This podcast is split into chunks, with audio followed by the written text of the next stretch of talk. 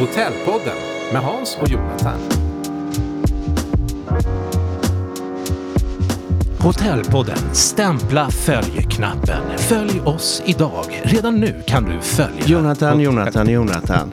Nu är du på det ordentligt tycker jag. Jag vet, men det är så roligt att få följa det. Ja, det tycker jag är med. Definitivt. Och du plockar på varje dag. Så följ Hotellpodden. Tryck på följ-knappen. Stämpla Nu- på. Ah, ah, ah.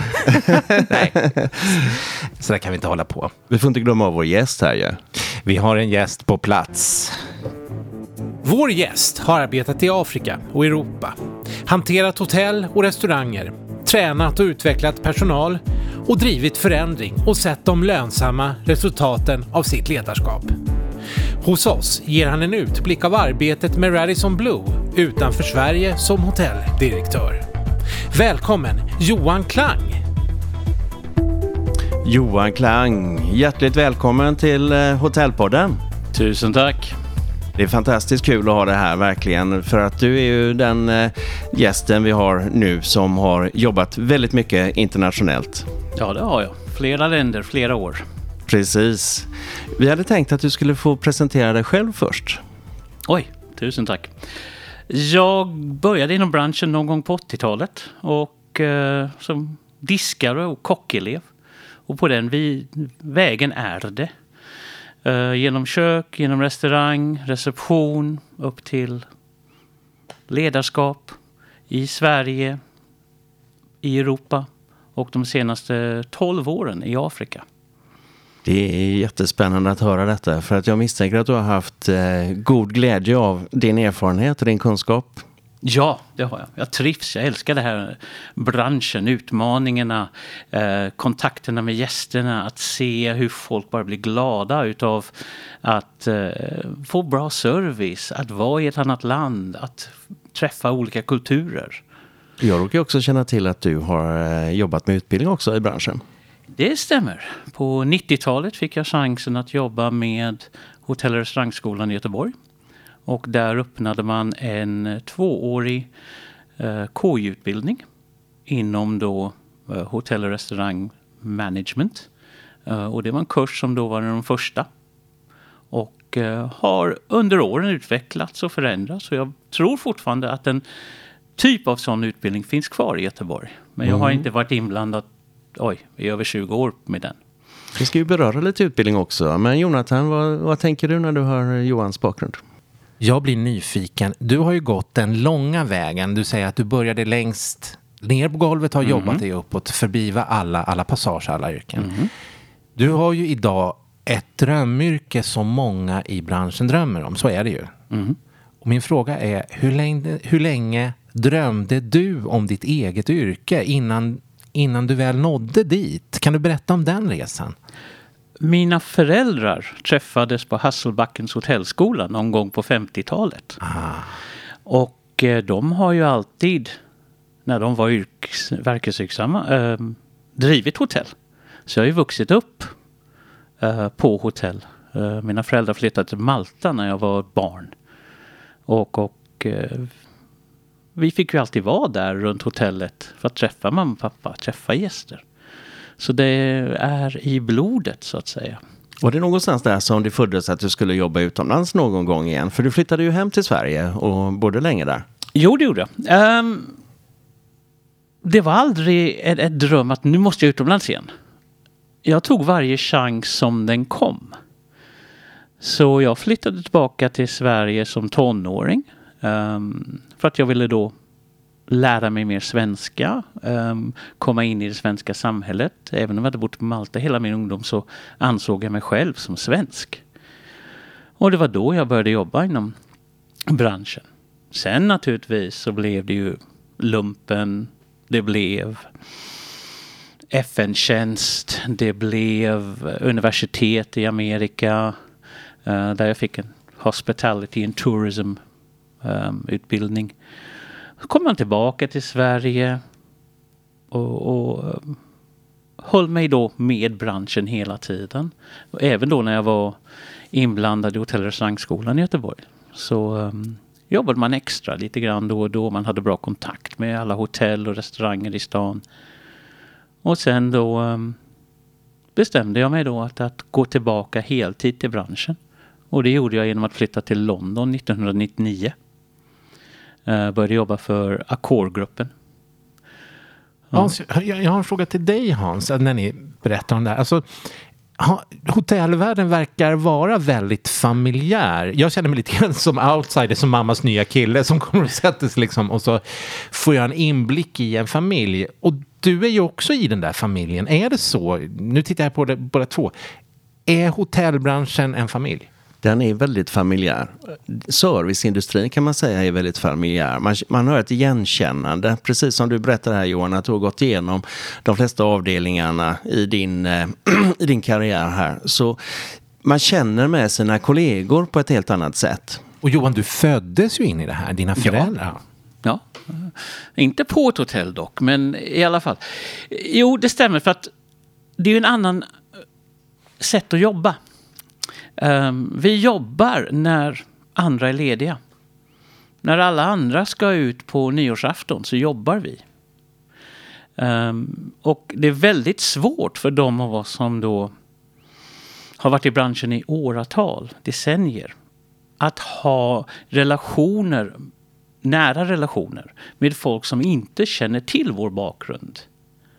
Ehm, min ja, underbara... det skapar speciella band, definitivt. Ja. ja. Min underbara fru är ju inom branschen också. Mm. Hon förstår mycket väl varför jag inte kan komma hem klockan sex en fredagkväll.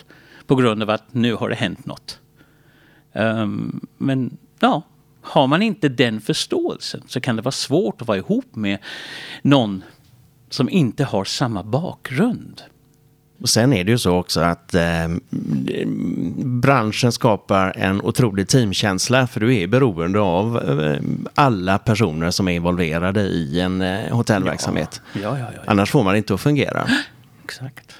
Och var jobbar du nu någonstans? Var, vad är din position idag? Jag är general manager på Radisson Blue Hotel Lusaka i landet Zambia. Som då är i södra delen av Afrika, rätt centralt. Varför stavas Radisson Blue utan E?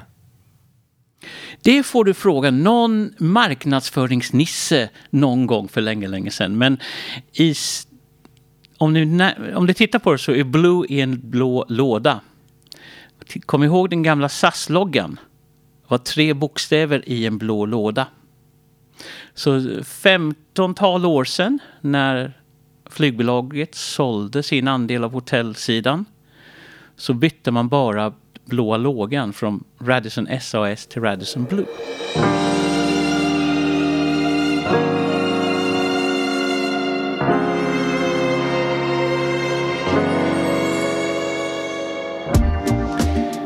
Hierarkier här och där ska vi prata om, eller hur Hans?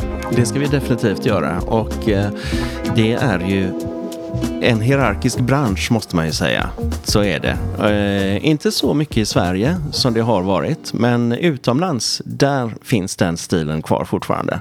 Det stämmer. Um, och det har många, många anledningar. Men det beror väldigt mycket på folks, de anställdas behov att ha en titel. De anställdas behov att veta exakt var i systemet de är Um, det är ofta jag får reda på att, att nej, men jag gjorde inte det. Men det står inte i min job description. Jaha, men flexibilitet då? Ja, men jag vågade inte. Så olika kulturer runt världen så kan ibland hela kulturella delen stoppa folk att ta ett beslut utanför sitt eget ansvarsområde. Hur upplever du att gå in i en sådan roll, i en sån hierarki, för att eh, komma ifrån en svensk ledarstil och gå rätt in i en eh, afrikansk ledarstil? Nu efter 12 år i Afrika så har jag naturligtvis eh, lärt mig, men i början var det lite frustrerande att eh, det skulle finnas så många nivåer. Men sen får man inte glömma personalen. De är stolta och kliva från en, en underservitör till servitör till överservitör till underhovmästare och så vidare. Eh, ibland kan det vara absurdum att se åtta titlar i en restaurang. Men, men de är jättestolta över sin titel och eh, när man då väl ger dem en befordran då är det liksom väldigt lyckat. Nu efter så många år utomlands, eh, Johan, skulle du tycka att vi, att, skulle du sakna det i Sverige? Saknar vi det i Sverige lite grann med hierarki och, och möjligheten att klättra? Nej, det tror jag inte, för att svensk kultur är helt annat. Man, man skapar redan från grunden ett självständigt tänk. Um, kanske ett dumt exempel, men gå till dagis. Jag ser en tvärs över gatan här. Där så får barnen leka tillsammans. Där uppmanas de att skapa nytt, att hitta nya vägar. Tar man samma dagis i ett afrikansk miljö, då, om det nu överhuvudtaget finns dagis i vissa av de här byarna, där är de en del av skolan, de har rutiner, de har de äldre som säger till dem vad de ska göra. Ehm, um, man, man, kontrollerar dem mycket, mycket mer.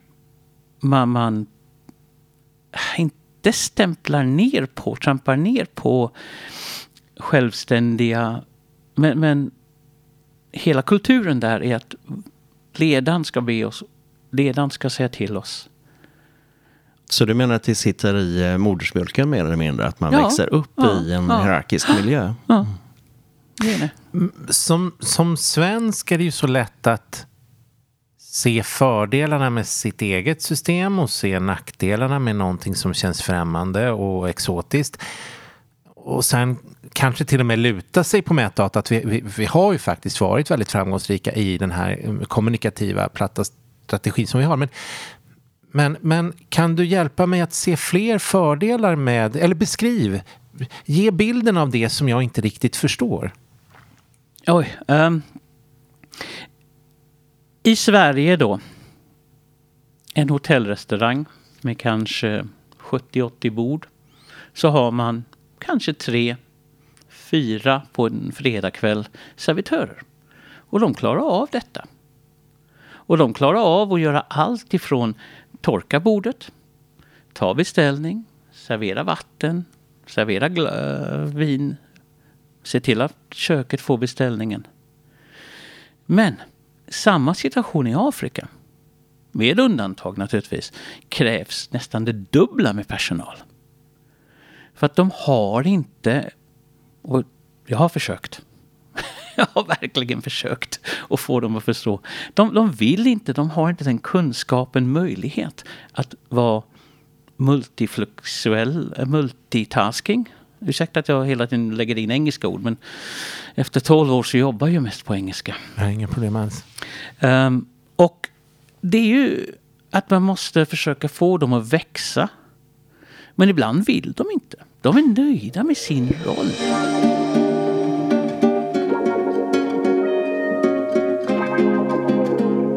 Du får förklara lite grann hur det ser ut på ett restauranggolf i, eh, i Afrika. Med... Eh, först och främst, det eh, största skillnaden som alla märker på en gång är att man har kassörer. Precis som vi hade back in the day, 70-80-talet. Um, ehm, och det är de som är ansvariga att ta hand om pengarna och kassan. Så naturligtvis kan en servitör gå, och det är hans jobb, och liksom ta en beställning, gå in och lägga den på Micros och utgår det till köket och så vidare. Um, men sen när det kommer till betalning, då går han till kassören. Bord 15, vill betala tack. Går med en nota till bord 15, ber dem att kolla det. Gör ändringar så måste kassören göra det. Och sen tar man då kreditkortet eller pengarna och ger till kassören. Och i Sverige så eh, har ju alla sin egen kod. Är ansvarig för sin egen kassa. Samtidigt i Sverige så existerar inte pengar längre. Så um, det här är det ju mindre att göra. I Afrika, och vi är då ett internationellt hotell, i restaurangen så är fortfarande hälften av allting vi gör pengar. Ren rama cash. Um, och då krävs det ju lite mer ansvar. Och hierarkin i restaurangen, du har, som du berättade då i Sverige så kan vi ha tre stycken eh, servitörer som är, men du måste ha en arbetsledare på ditt hotell exempelvis. Ja, ja, och ett par eh, stycken givetvis. Ja, så på en fredagkväll så har väl eh, restaurangmanagern är där. Um, det finns ju då en cashier. Det finns ju två supervisors. Och finns då fyra, fem servitörer i olika nivåer. Och vissa är bara ansvariga för att se till att bord dukas av, görs ren, görs om, att brödet bärs fram, att vattenflaskorna bärs fram. Det är allt de behöver göra. Jag tänker lite så här, som, som svensk så är det lätt att bli liksom lite självgod och känna att ah, vi kan göra det här för halva, halva antalet personal, halva kostnaden, vi kan dessutom blippa våra kort. Liksom. Men om man försöker se det här ur ditt perspektiv, din personals perspektiv, i kulturens perspektiv, det kanske finns fördelar med det här. Det kanske finns en trygghet i sin position. Det kanske finns en hierarkisk trappa där man är stolt över varje trappsteg och också kan vila i det. Eller jag gissar. Ja, men glöm inte att gästen är en afrikan. Gästen förväntar sig personal överallt. Något år sedan fick jag en utskällning av en gäst som hade varit i Berlin på ett av våra hotell. They had no doorman. They wanted me to carry my bags. Och förutom kanske Strand, eh, strand eller um, någon annan stor hotell i stan så finns ju inga bellboys längre i Stockholm. Mig vetligt. Nej, och det är ju klart, det är ju kulturskillnader och hur man upplever service och, och ett mottagande Ja. och ett välkomnande. Det upplever man ju givetvis i Afrika på ett helt annat sätt. Ja, Man blir ja. omhändertagen där. Nej, gästerna vill att vi ska bära väskorna till rummet. Om vi De tittar på, afrikanska då. ja. Om vi tittar på hotellhierarkin som sådan, den organisationsstrukturen. Du gick ju in direkt som eh, hotelldirektör. Hur hamnade du i Afrika? Jag jobbade på Parkin Park Inn i Hamburg sjöstad. Vi hjälpte till att öppna den. Ehm, och ett år in på det jobbet så eh, fick jag en fråga. Vill du åka till Nigeria i tre månader? För att hjälpa dem i eh, restaurangavdelningen eh, som food and beverage manager. Och det var lite att göra just då. Pratade med min fru och hej och hå. Så landade jag i Lagos. Och, och um, Afrika är tufft. Västafrika är tuffare, om man säger så. Och Lagos är ett klimat av sig själv. Det, det, det är inte bara klimaten, fuktigt, varmt och så vidare, men sättet att jobba, sättet att relatera till folk är väldigt, väldigt tufft. För du, har- du har jobbat tillräckligt mycket över hela kontinenten för att känna nyanserna, eller hur? Ja, ja, ja. ja. Ehm, I Västafrika då har jag jobbat både i Lagos och Freetown. Och, och båda två i västafrikanska länder med, med, med ett sätt att jobba.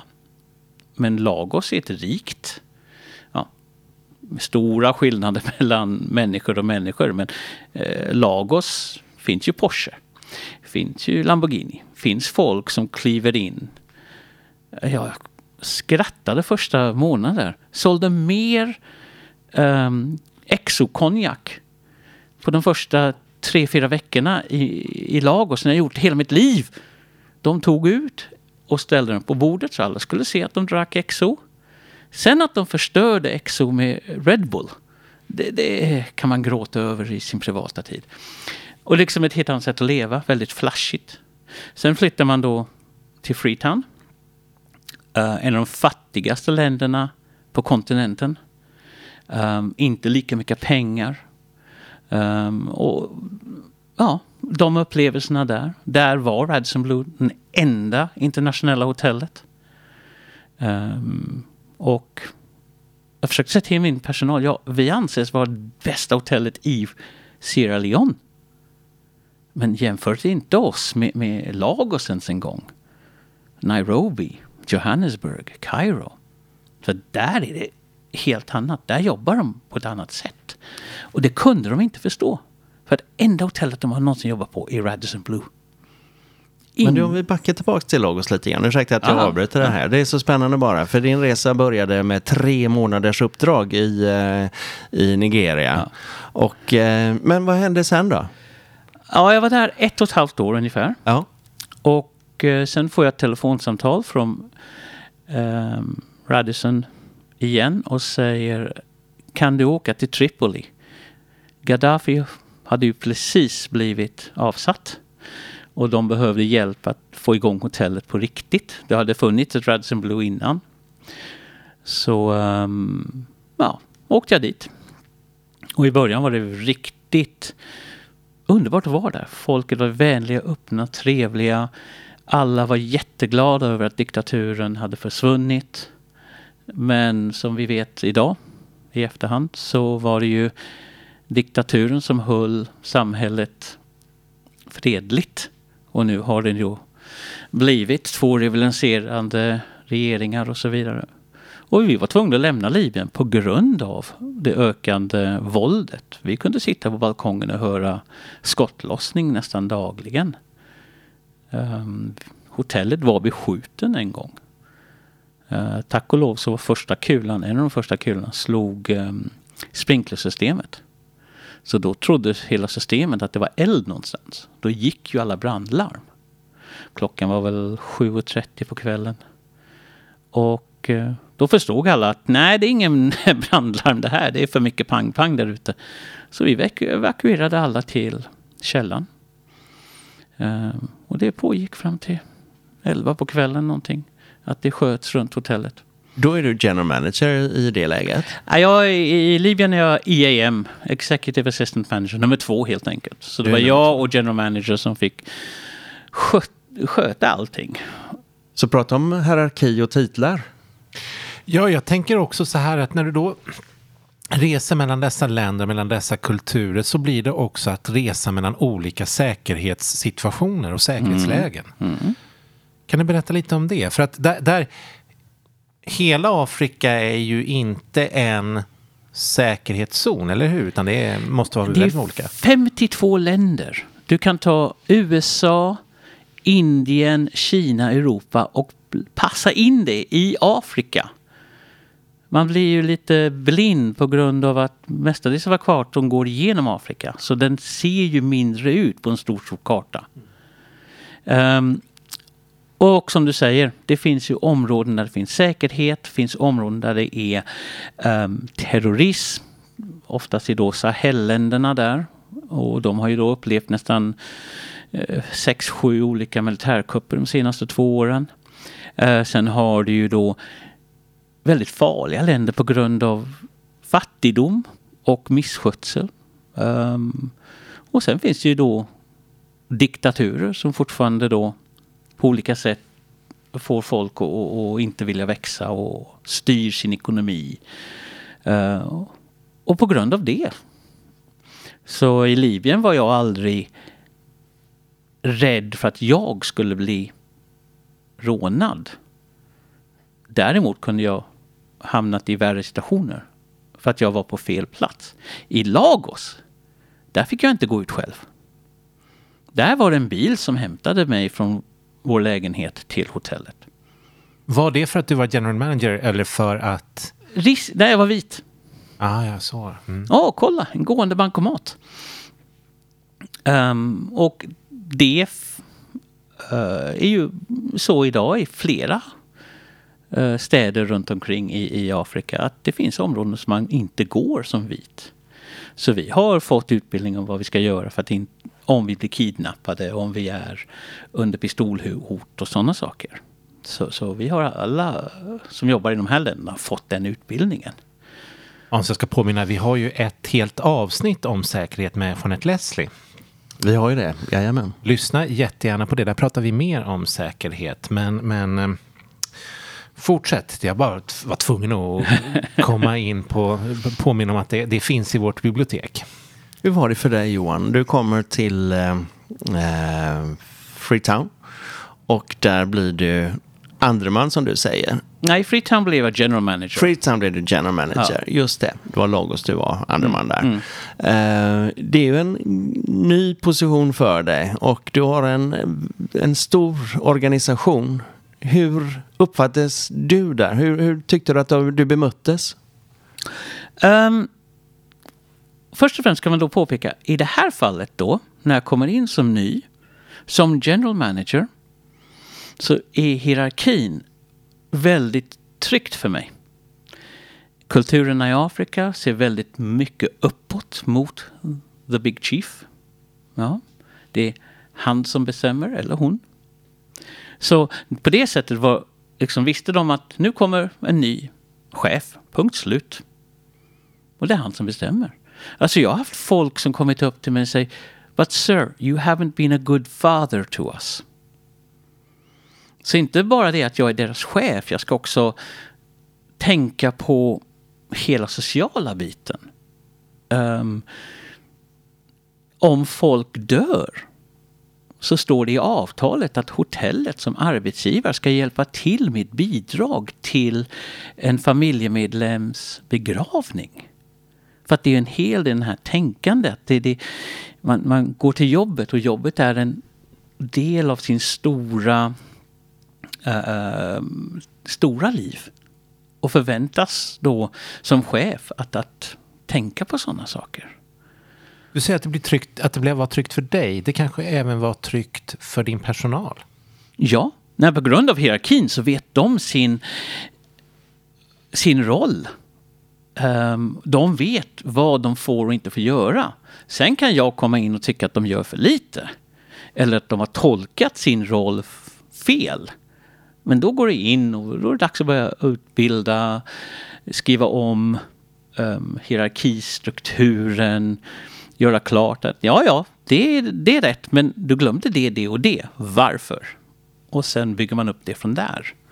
I Afrika kan det väl också vara så att de uppfattar din roll annorlunda. Inte så som du vill bli uppfattad, utan de har sin syn på hur en general manager ska vara, vilket kanske hindrar dem från att påpeka fel och brister, eh, både i organisationen och, och saker som de inte är bekväma med. Ja, nej, men att, att säga nej eller att peka en brist på någon högre chef, det är väldigt svårt för dem. Så, så det gör man inte. Varför är det svårt? Gå tillbaka till det här kulturella. Um, det kanske låter fel det jag kommer säga nu i, i svenska öron, öron. Men det är fortfarande en väldigt stamkulturell sätt att tänka. De flesta av mina anställda kommer från små byar. De pratar fortfarande om vem sin stamhövding är. Eller vem sin regionala kung är. Även om de politiskt sett har väldigt lite makt. Men inom stammen så anses det fortfarande viktigt.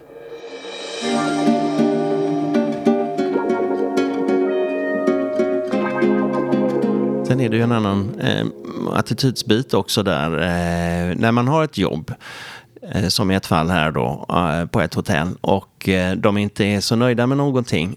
Det, de har ju en anledning till att inte klaga så att säga. Va? Ett jobb betyder mer i Afrika än vad det gör i Sverige. För då har ju Ja, kan du berätta eh, varför? Ett så är arbetslösheten i de flesta av de afrikanska länderna jättehögt. Så um, jag har aldrig problem med att, att ersätta en person. Problemet är, det finns ju inte kvalificerat folk.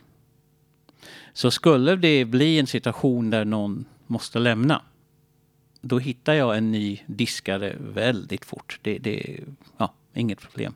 Däremot så, om vi ska säga restaurangchefsnivåer, receptionschefer och så vidare, så vidare, så vidare. Det är svårt att hitta bra ersättare. Men hur känner du när du eh, har en person som du tycker att du eh, inte är helt nöjd med och avskedar den personen? När den personen, du vet att det, det finns inget socialt nätverk i Afrika. Något land i princip. Um, Tänk, får du det att tänka lite extra? Ja, ibland. Eh, och därför är jag väldigt noga med att se till att vi följer alla lagar av landet och de etiska reglerna som Radisson Hotel Group har innan vi då kommer så långt att det är dags att avskeda. Men vi har situationer tyvärr av folk som skäl Och, och ska, jag kan ju inte då tillåta det. Um, för att om jag då viker en tum, då kommer det sprida sig som, som, som olja över vatten på en gång. Att, att okej, okay, nu är det helt öppet, nu kan vi ta. Så um, om det är så att alla medel har förbrukats, utbildningar, tillrättavisningar, eh, varningar och så vidare, då måste man ta det beslutet. Um, jag är också lite nyfiken på, för det måste ju varit en process för dig att förstå den här eh, kulturen, det här sättet att vara. Du pratar om stam, påminn mig, stamhövdingar. Stamhövdingar, ja. ja. Eh, det måste ju varit en, en stor resa för dig också, förändringsresa, för att det skiljer sig ju väldigt mycket från vårt svenska sätt mm. att tänka. Jag sitter också och föreställer mig att det finns lyssnare här som blir provocerade av det du berättar för att det här filtret faktiskt är så svårt att ta sig igenom. Mm, mm, uh, jag tror vi lämnade hela det här med, med var vi kom ifrån i Sverige 200-300 år sedan. Inte mobbar vi västgötar längre bara för att de har flyttat till Stockholm. Men jag misstänker att 200 år sedan så var det mer kulturella skillnader. Jag kan berätta ett exempel från Freetown. Vi hade en väldigt duktig eh, tjej.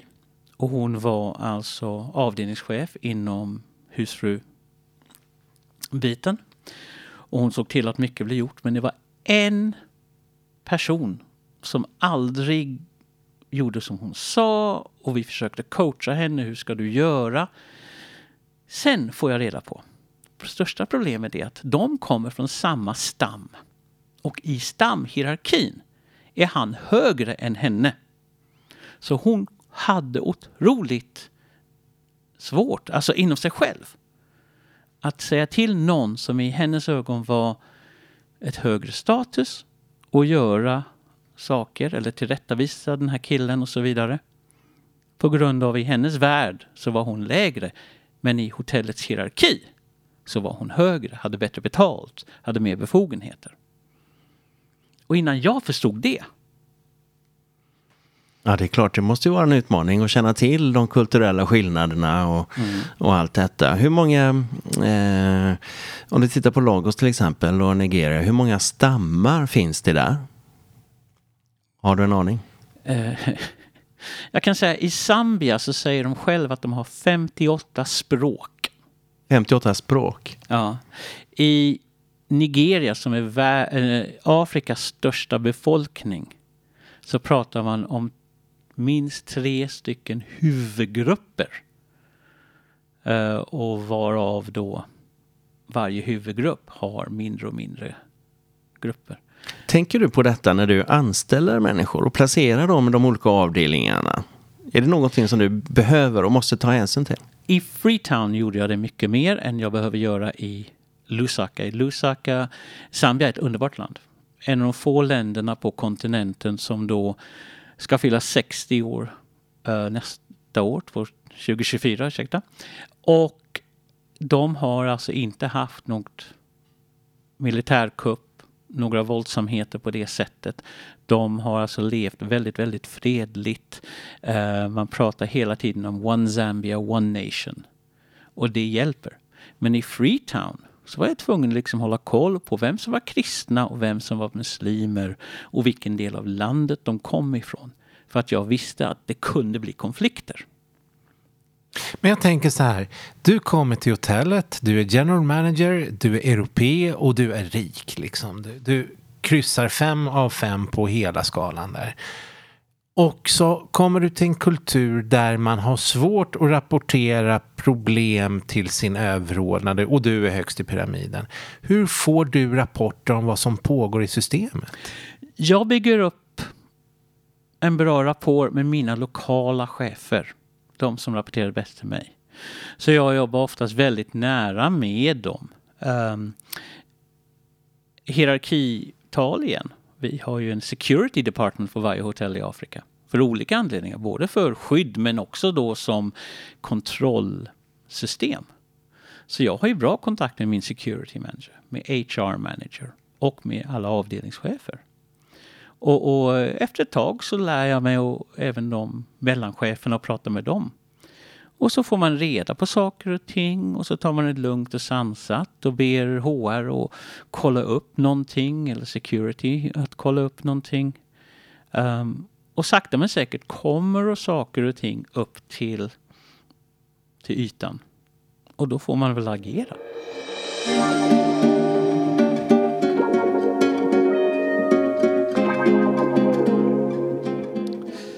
Johan, vi pratar ju säkerhet och det ligger ju mig varmt om hjärtat. Vi har haft eh, Jeanette Leslie här då från Grand Hotel och jobbade 17 år på Grand Hotel. Mm. Men jag vet ju att eh, eh, säkerhetssituationen kan ju vara annorlunda på de afrikanska hotellen. Kan mm. inte du berätta om det, den incidenten som du tycker mm, ställer till det mest för dig? Eller skulle kunna ställa till det mest för dig?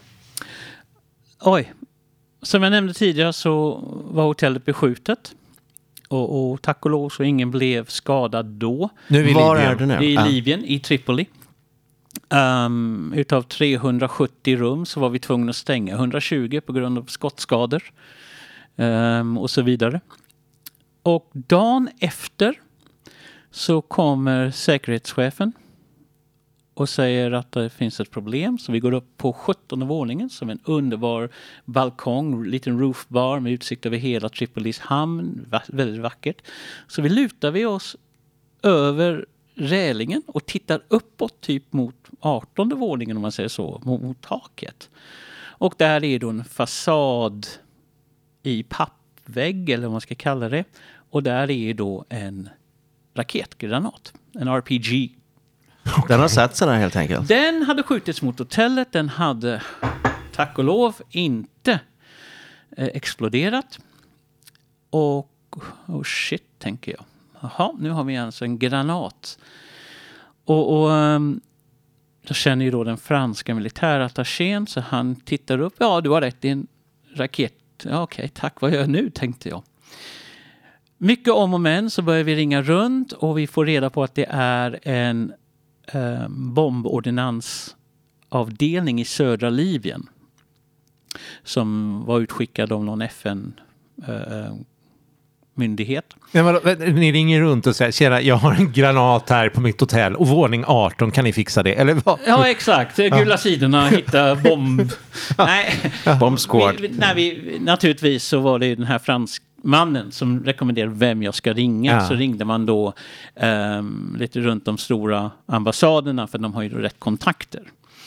Uh, och precis när jag började få kontakt med de här killarna nere i södra Libyen och undrade när de kan komma upp så får jag en knackning på axeln. Så vänder jag mig om och där står min säkerhetschef och han har en plastpåse som han öppnar. I plastpåsen ligger ju då en RPG. Och en RPG är vadå 80 centimeter lång. Det är granaten alltså? Det, det är granaten. Um, googla, ni hittar massa bilder. Um, och uh, jaha, säger jag, gå ut med den nu. Go, go, go. Uh, och sen efteråt så får jag reda på att han och hans kompis hade klivit upp på taket. Han hade hållit kompisens ben. De hade ryckt ur granaten, gått ner för trapporna, tagit gästhissen ner. Du kan höra gästmusiken i hissen, folk går in och ut och han står där med en plastpåse. Och när jag frågar, fan, hur, hur i helvete? Ah, Chinese rubbish sir. så han visste att det var kinesiskt och litade på att... Oh. Att det skulle lösa sig? Ja. Så han tog granaten eh, nerför trapporna, genom hissen, gästhissen och så träffade han på dig där på ja. eh, lobbyn. Ja. Hotellpoddens lyssningstips för alla ni hotelldirektörer där ute i landet. Eh, använd plastpåse till eh, hotellraketerna. ja. Nej, men, ja.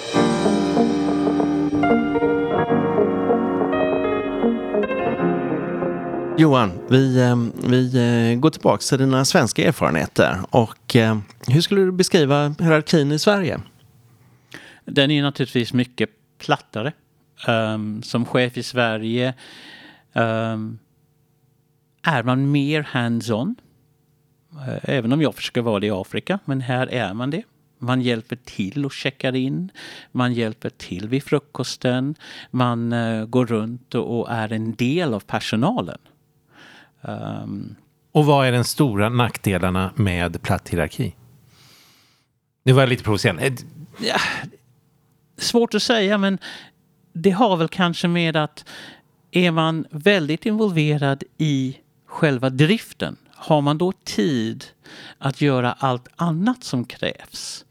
Det är budgetar, det är relationer med ägare, det är eh, all information som kommer från olika huvudkontor. Eh, jag menar, på en bra dag får jag 30 e-mails bara från olika människor i huvudkontoret. Men, men hur, i vilken miljö navigerar du bäst då? I den hir strikt hierarkiska eller i den mer platta, platta hierarkin som är den svenska kulturen? Jag vill påstå att jag är flexibel nog att kunna jobba i båda. Men det får jag väl kanske bara reda på när jag flyttar hem igen någon dag. Um, när jag är riktigt trött på kontoret, då går jag runt hotellet. Och ser jag att servitörerna behöver hjälp, så lyfter jag en tallrik. Sen att alla andra servitörer kommer springande och ska ta tallriken från min hand, det är en annan sak. Um, eller så går jag runt och, och, och, pratar med gästerna och så vidare. Och det är väl det jag saknar mest så, som hotelldirektör i, i Afrika. Att det krävs så mycket av min tid i kontoret tyvärr. Så jag missar väldigt mycket att prata med gästerna. Nu försöker jag dagligen, speciellt till frukost, träffa dem och prata med dem. Ehm, um, VIPs försöker jag uh, hälsa välkommen när de kommer. Um, och så vidare. När du går in där och är så hands-on, eh, Johan, uppfattas det som att du hjälper till eller uppfattas det som att du tar deras arbetsuppgift? Ledande Någonting fråga. Mittemellan. Någonting mittemellan. Någonting mittemellan. Mm. Um, för att i deras värld så ska inte jag lyfta någonting. Jag är chef. En, en liten anekdot. Um, jag har en tjänstebil. Som är en rätt modern, dyr, europeisk bil. Och i min svenska jag skäms lite att jag kör runt en bil som de kan aldrig köpa för att de, deras löner inte ens närheten. Och då får jag reda på, nej, they're proud of you sir. You're the big boss. You are showing how good we are. Så i deras värld så ska jag vara flashy. Vara... You know, ha bra kläder, ha en bra bil. Och, och de är jättestolta varje gång jag är i nyheterna när jag träffar turistministern till exempel. Och det gör jag rätt ofta där nere för att Radisson Blue är de bättre hotellen så vi har väldigt bra kontakt. Och då hamnar man i tv. Och jag hör personal dagen efter. Wow! Bravo chefen! Du, du var med honom eller henne. Du representerar hela gänget helt enkelt. Du ja. är head of the family.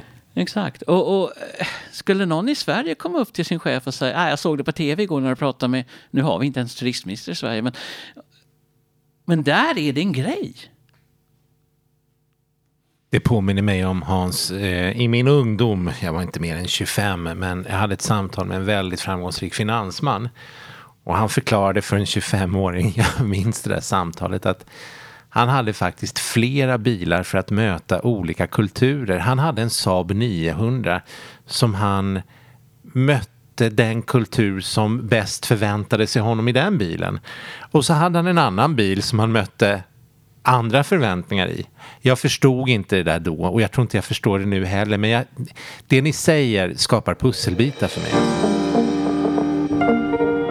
Johan, vi pratar hierarki här. Och vi ska komma ihåg att hierarki och ett eh, ledarstil är annorlunda om du är amerikan eller afrikan eller europe. Jobbar du med många olika eh, ledarstilar som eh, är hierarkiska utifrån olika perspektiv? Eller har du flest afrikanska ledare i, den, i ditt team? I mitt team här just nu, väldigt många afrikanska ledare. Men när vi var i Tripoli så väldigt många från Filippinerna, från eh, Indien och de har en helt annan ledarstil. Där är det väldigt auktoritärt, peka med hela handen. Um, mina chefer är stationerade i Dubai. Um, och de har alltså, engelsmän, indier, tyskar, uh, amerikaner. Och det är ett, där kommer också olika sätt att tilltala mig. Så det handlar hela tiden om att försöka jämka, försöka att hitta en balans. Så jag kan tala till mina utrikiska chefer på ett sätt. Min köksmästare är gammal engelsman. Med honom är jag och, och, nästan köksspråk ibland. För att vi, där kommer jag. Nu är jag inte riktigt Gordon Ramsay och använder det ordet hela tiden. Men det, det är ju ett sätt att prata. Sen pratar jag inte så med mina afrikanska kollegor. Det, man, man får vara flexibel, man måste vara det. Med hierarki kommer väldigt mycket jargong också och det är ju naturligtvis med olika länder och ursprung.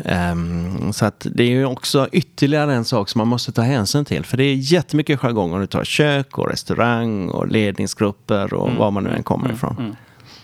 Och i Afrika, eller Zambia definitivt, så är man väldigt känslig för hur man visar respekt. Och med den här engelska kocken så har jag varit tvungen att liksom påpeka att, att använd inte det där F-ordet så mycket.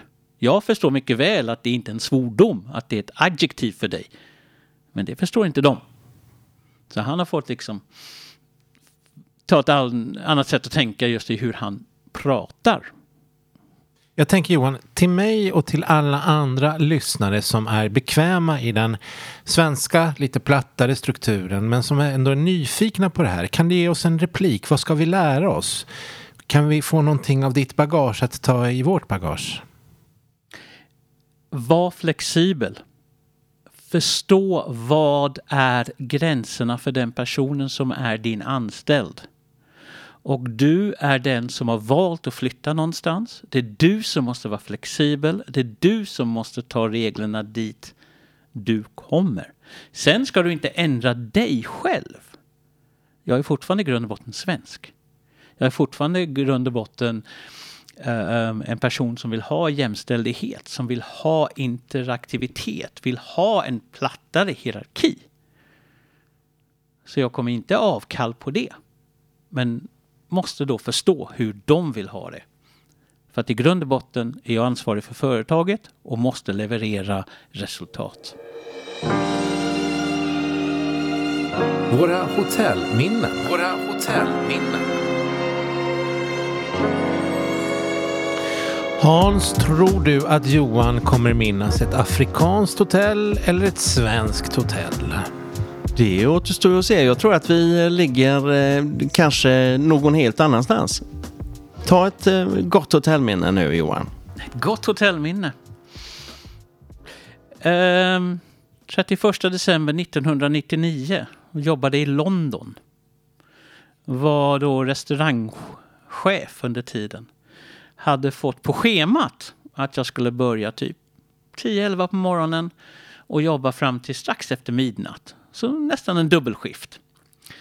Men jag var vaken tidigt, så jag var där redan åtta. Vi gör allting. Det var ett jättestort hotell, alltså tusentals gäster i olika eh, lokaler och så vidare. Framåt två, tre tiden så började jag känna mig trött och började gå runt och leta efter någon att lämna över till. Hittar ingen. Alla andra jävlar hade redan gjort det. Så då ja, blev jag avlöst 11 nästa morgon. Så jag körde lite över en 26 timmars pass. det blev ingen avlösning för dig där. Ja, jag såg en, en kollega som kom instapplande lite mörk under ögonen. Så här har vi gjort D, A, B, C, D, hej, nu går jag. Pang slut. Jag tycker det var ett fantastiskt uh, minne från din hotellkarriär. Alltså. Y2K. ja. Johan, tack så hemskt mycket för att du kom och besökte oss på Hotellpodden. Det har varit jätteintressant att höra om dina erfarenheter och just utifrån ett hierarkiskt perspektiv där du verkligen är expert och har berättat för oss hur det ligger till. Tack för att ni bjöd in mig. Det har varit verkligen roligt och ser fram till att eh, höra er gång och gång igen på lurarna. Och tack kära lyssnare. Och eh, följ, som, oss. Eh, följ oss. Följ oss. får man säga så? Vi hörs snart igen. Äntligen får jag säga följ Hotellpodden. Stämpla knappen följ. Hotellpodden med Hans Kanold och Jonathan Kruse produceras av Swedish Frames AB. Temamusiken är gjord av Henrik Lörstad.